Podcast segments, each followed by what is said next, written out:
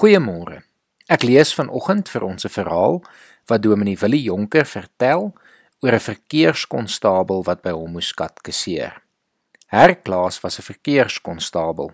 Ek het hom eers in 'n woonstel raak geloop en na gesprek het hy beloof om te kom katkeseer. Dit het my 'n lang tyd geneem om uit te vind dat verkeerskonstabels ook mense is. Ek het op 'n plaas groot geword en vir my blye man met 'n uniform nog steeds op 'n aardige manier iets onmenslik, iets objektiefs, iets onpersoonliks. Ek het op Lichtenburg altyd ook so gevoel teenoor ons enigste verkeerskonstabel van daardie dae. Die mense het hom mind you genoem, glo omdat hy as hy voetbal gespeel het en taamlik hard met die aarde kennis gemaak het, altyd mind you gebrom en weer verder gespeel het. Hoe dit ook sy, Vir my was Mind You en sy soort mense altyd iets vreemds, sodat ek as predikant eers lanksaam moes leer dat verkeerskonstabels doodgewone mense is. Met herklaas het ek dit dubbel en dwars ondervind, veral op een punt. Hy kon maar nie verstaan dat ons gered word deur die genade sonder die werke van die wet nie. Dit is iets tipies mensliks. Ons almal wil tog so graag ons eie verlossing verdien. Ons is innerlik so trots dat ons nie kans sien om verniet in die hemel te kom nie. Ons wil daarom ten minste op grond van meriete daar kom. Vir my was die eienaardige van Herklaas dat hy die katekisme so goed kon onthou. Onintelligent was hy beslis nie. Vra maar die vraag, een vir een op 'n ry af en prompt en sonder omhaal kom die juiste antwoord. Al is sommige van die swaar kerklike terme dan ook maar vreemde goed in die mond van 'n man wat nie gewoond is om met sulke 16de eeuse terme om te gaan nie. Hy het kennelik sy bes gedoen en ek moes hom altyd weer prys omdat hy so entoesiasties die vraag geleer het. Maar sy doodsteek het daar gelê waar ek van die vraag afwyk en met eens vra: Herklaas, hoe word 'n mens 'n kind van God? Dan gaan daar met eens 'n lig oor sy oë. Nou weet hy dit presies. Jy moet die wet van God onderhou, Dominee. As dit net een keer gebeur het, sou dit niks gewees het nie. Maar telkens en telkens weer het Herklaas my met dieselfde antwoord of 'n aanverwante antwoord die weg van die saligheid probeer wys. En elke keer het ek weer van vooraf begin en gesê: "Maar Herklaas, jy kan mos nie vir my so sê nie. Kan jy die wet van God volkome onderhou? Wel 'n mens moet probeer, Dominee. Maar kan jy dit reg kry al probeer jy ook?" En elke keer moet ek dit weer na 'n lang gesukkel uit omtrek dat die mens natuurlik nie die wet van God kan hou nie omdat hy geneig is om God en sy naaste te haat en die gebooie van God met gedagtes, woorde en werke te oortree. Dat die mens onbekwaam is tot enige goed en geneig tot alle kwaad tensy hy deur die gees van God wedergebore word. Dat daar vir die mens geen ander manier is om van die straf op die sonde te ontkom nie as deur die een middelaar, Jesus Christus, ware God en ware mens. Ja, dan weet hy dit nou weer vir vandag. Maar as ek hom 'n volgende keer weer voorlê en ek vra hom dit 'n keer weer anders, val hy in dieselfde struik. Kyk, Herklaas, jy is 'n verkeerskonstabel. Jy kom op groot motor motorongelukke af.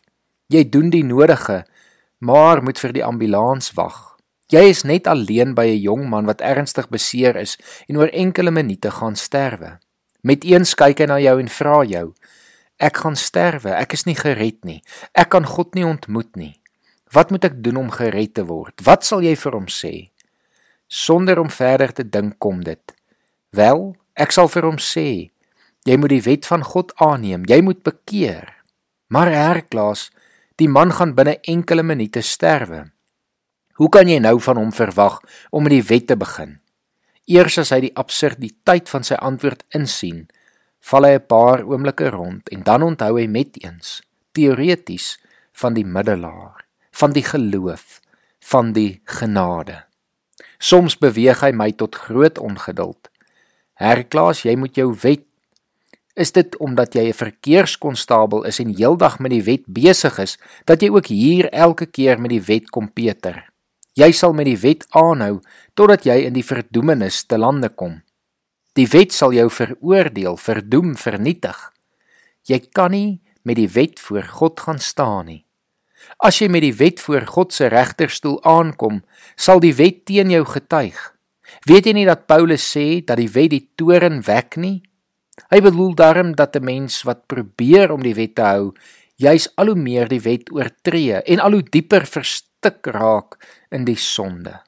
Omdat die wet juis openbaar maak hoe sleg ons diep in ons werklikheid is. Die wet prikkel ons sondige hart tot sonde, nie omdat die wet sleg of verkeerd is nie, maar omdat ons so sleg en verkeerd is. Daarom is die wet vir ons 'n gevaarlike saak. As jy sonder Christus na die wet toe gaan en die wet probeer hou, sal die wet jou al hoe dieper in die sonde vasgevang laat raak en sal die toorn van God al hoe duideliker oor jou openbaar word. Elke mens wat probeer om die saligheid te verkry deur wetsonderhouding, moet weet dat hy daarmee net op een plek kan beland, onder die toorn en die oordeel van God. Jy moet ophou om te dink dat 'n mens gered kan word deur die wet. Jy moet na Christus vlug. Net Christus kan ons red, nie die wet nie. Dit gaan maar moeilik om dit by hom in te skerp. By 'n volgende geleentheid is hy weer onseker en aarzel by die vraag: Hoe is jy voor God geregverdig?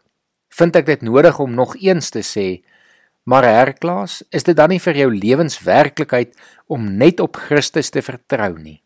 As jy so sukkel om dit te onthou, kan dit mos nooit vir jou 'n werklikheid wees wat jy belewe het en 'n saak wat jy vir jou toegeëien het nie dat Christus klaar vir al jou sondes betaal het en dat jy niks meer daaraan hoef te voeg nie. As jy Christus aangeneem het, is jy werklik ontslaaf van die wet. Dit sê Paulus uitdruklik in Romeine 7 vers 6 vir ons. Ons is ontslaaf van die wet. Kyk self hoe dit daar geskrywe staan. Dit beteken nie dat ons glad nie meer die wet hoef te hou of dit nie moet probeer hou nie, maar ons moet dit nie meer sien as 'n manier om gered te word nie. Ons is ontslaaf van die wet as 'n eis waaraan ons moet probeer voldoen voordat ons gered kan word. Hy gee my die versekering dat hy verstaan. Hy herhaal my woorde. Ons gaan uitmekaar nadat ek nog eens aan hom verduidelik het dat 'n mens nooit 'n kind kan word deur die onderhouding van reëls nie, alleen maar deur geboorte Ons word God se kinders deur wedergeboorte as die Heilige Gees in ons 'n nuwe lewe begin. En ons word ook kinders deur aanneming, want ons as want as ons deur die geloof Christus aangeneem het, word ons ook deur God aangeneem as sy kinders. Dit kan op geen ander manier gebeur nie. By geleentheid dink ek dat ek vorder, want hy antwoord my prompt dat 'n mens alleen deur die middelaar van die straf verlos kan word. Toe kom die ouderling by. Was dit pure senuweeagtigheid? Ek weet nie. Maar toe die ouderling asof gelei deur 'n vreemde vermoede met eens na Herklas kyk en hom vra: "Herklas, as iemand jou in die straat raakloop en jou vra of jy 'n Christen is, wat sal jy sê?" Toe antwoord hy: "Ek sal sê nee, meneer." Ek spits my ore. Hoe is dit moontlik? Waarom sal jy dit dan sê? dring die ouderling aan. Wel, omdat ek nie in staat is om die hele wet van God te onderhou nie. En as 'n mens nie die wet van God onderhou nie, kan hy tog nie sê dat hy werklik 'n Christen is nie. Hy kan net sê ek probeer om 'n Christen te wees. Herklaas, herklaas. Is jy alweer met die wet aan die gang? Sal ek jou nooit leer dat die wet die toren oor jou sal haal nie. O ja, ek vergeet. Ek bedoel, ek sal sê ek is 'n Christen want ek glo dat Jesus vir my sonde gesterwe het. Ek buig voor oor die tafel sodat ons gesigte naby aan mekaar is. Binne-in bid ek dat die Here hierdie mens moet help om te sien, te verstaan, te vat wat hier gevat moet word. Dit is tog so moeilik, maar dit moet gebeur. Hy moet ophou met die wet. Hy moet rus in die genade. Herklas, vertrou jy dan nie op die Here Jesus nie? Ja, Dominee, ek vertrou hom. Herklas, Jy kan nie op die Here Jesus vertrou en ook op die wet nie. Een van die twee, of Jesus of die wet. As jy Jesus kies, is jy ontslaaf van die wet en as jy die wet kies, is jy buite Jesus. Wat kies jy? Ek kies Jesus, Dominee. Dan is jy ontslaaf van die wet. Dan kan die wet jou nooit weer veroordeel nie. Dan staan jy voor God in die bloed van Christus wat die wet in jou plek vervul het. Iets sê vir my dat hy dit verstaan, dat hy dit selfs vroeër al verstaan het, maar nog gesukkel het. Maar Dominee, die wet is tog nie heeltemal weg nie. Moet 'n Christen dan nie die wet hou nie? Hier in die derde deel van die katekismes staan die wet dan weer. Met eens besef ek dat Herklaas se onverstand nie sy eie skuld alleen is nie. Dit is ook myne. Ek het aldeer maar klem gelê op die genade, op die verlossing sonder die werke en te min gepraat oor die betekenis wat die wet tog nog vir die kind van God het. Hy het dit wel gebrekkig uitgedruk toe hy gesê het dat 'n mens tog nie werklik 'n Christen is as hy die wet nie hou nie. Maar iets daarvan is tog ook waar. Iets daarvan is tog ook waar dat 'n Christen sy lewe lank mag wandel in die sekerheid dat hy 'n Christen is en tog ook moet sê ek probeer om 'n Christen te wees. Bedoelende, ek streef met my hele hart daarna om te wees wat ek is, om te lewe vanuit die verlossing wat my deel in Christus is. Ja, Herr Klaas, dit is waar. As jy in Christus glo, is die wet vir jou afgeskaf in die vorm van 'n veroordelende, verdoemende aanklaer wat jou voortdurend by God beskuldig. Jy rus dan in die genade en as die wet jou aankla, vlug jy na Christus. Maar daarby bly dit tog nie. As jy eers eenmaal 'n kind van God is, gee hy weer die wet aan jou terug maar nie meer as 'n middel om jouself mee te probeer red nie, ook nie as 'n aanklaer wat jou voortdurend beskuldig nie. Dit word nou aan jou teruggegee as God se wil vir sy kind. Dit is nou die huisreëls van die familie van God. Nou is dit heeltemal iets anders. Waar dit tevore hard was, is dit nou 'n sagte juk. Waar dit tevore die toren gewek het, roep dit nou in jou die vreugde op van 'n kind wat graag doen wat sy vader wil hê.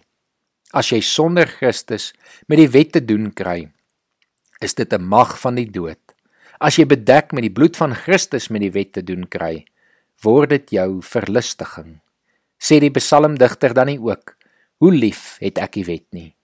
Nie met die wet nie en tog ook nie sonder die wet nie. Ontslaaf van die wet en tog ook begiftig met die wet.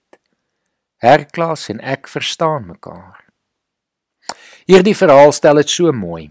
Ons kan nie gered word deur wetsonderhouding nie. Maar indien ons gered is, kies ons om uit dankbaarheid die wet van die koninkryk, liefde vir God en liefde vir ons naaste tot die beste van ons vermoë na te streef en uit te leef. Kom ons bid saam. Here, dankie vir hierdie kosbare verhaal om hierdie geloofswaarheid aan ons te openbaar. Here, dat U genade vir ons genoeg is, dat U genade ons gered het en Here dat ons daarom uit dankbaarheid en in liefde teenoor U en ons medemense kan gaan leef. Ons vra dat U ons vandag daarin sal help. En ons bid dit in Jesus se naam alleen. Amen.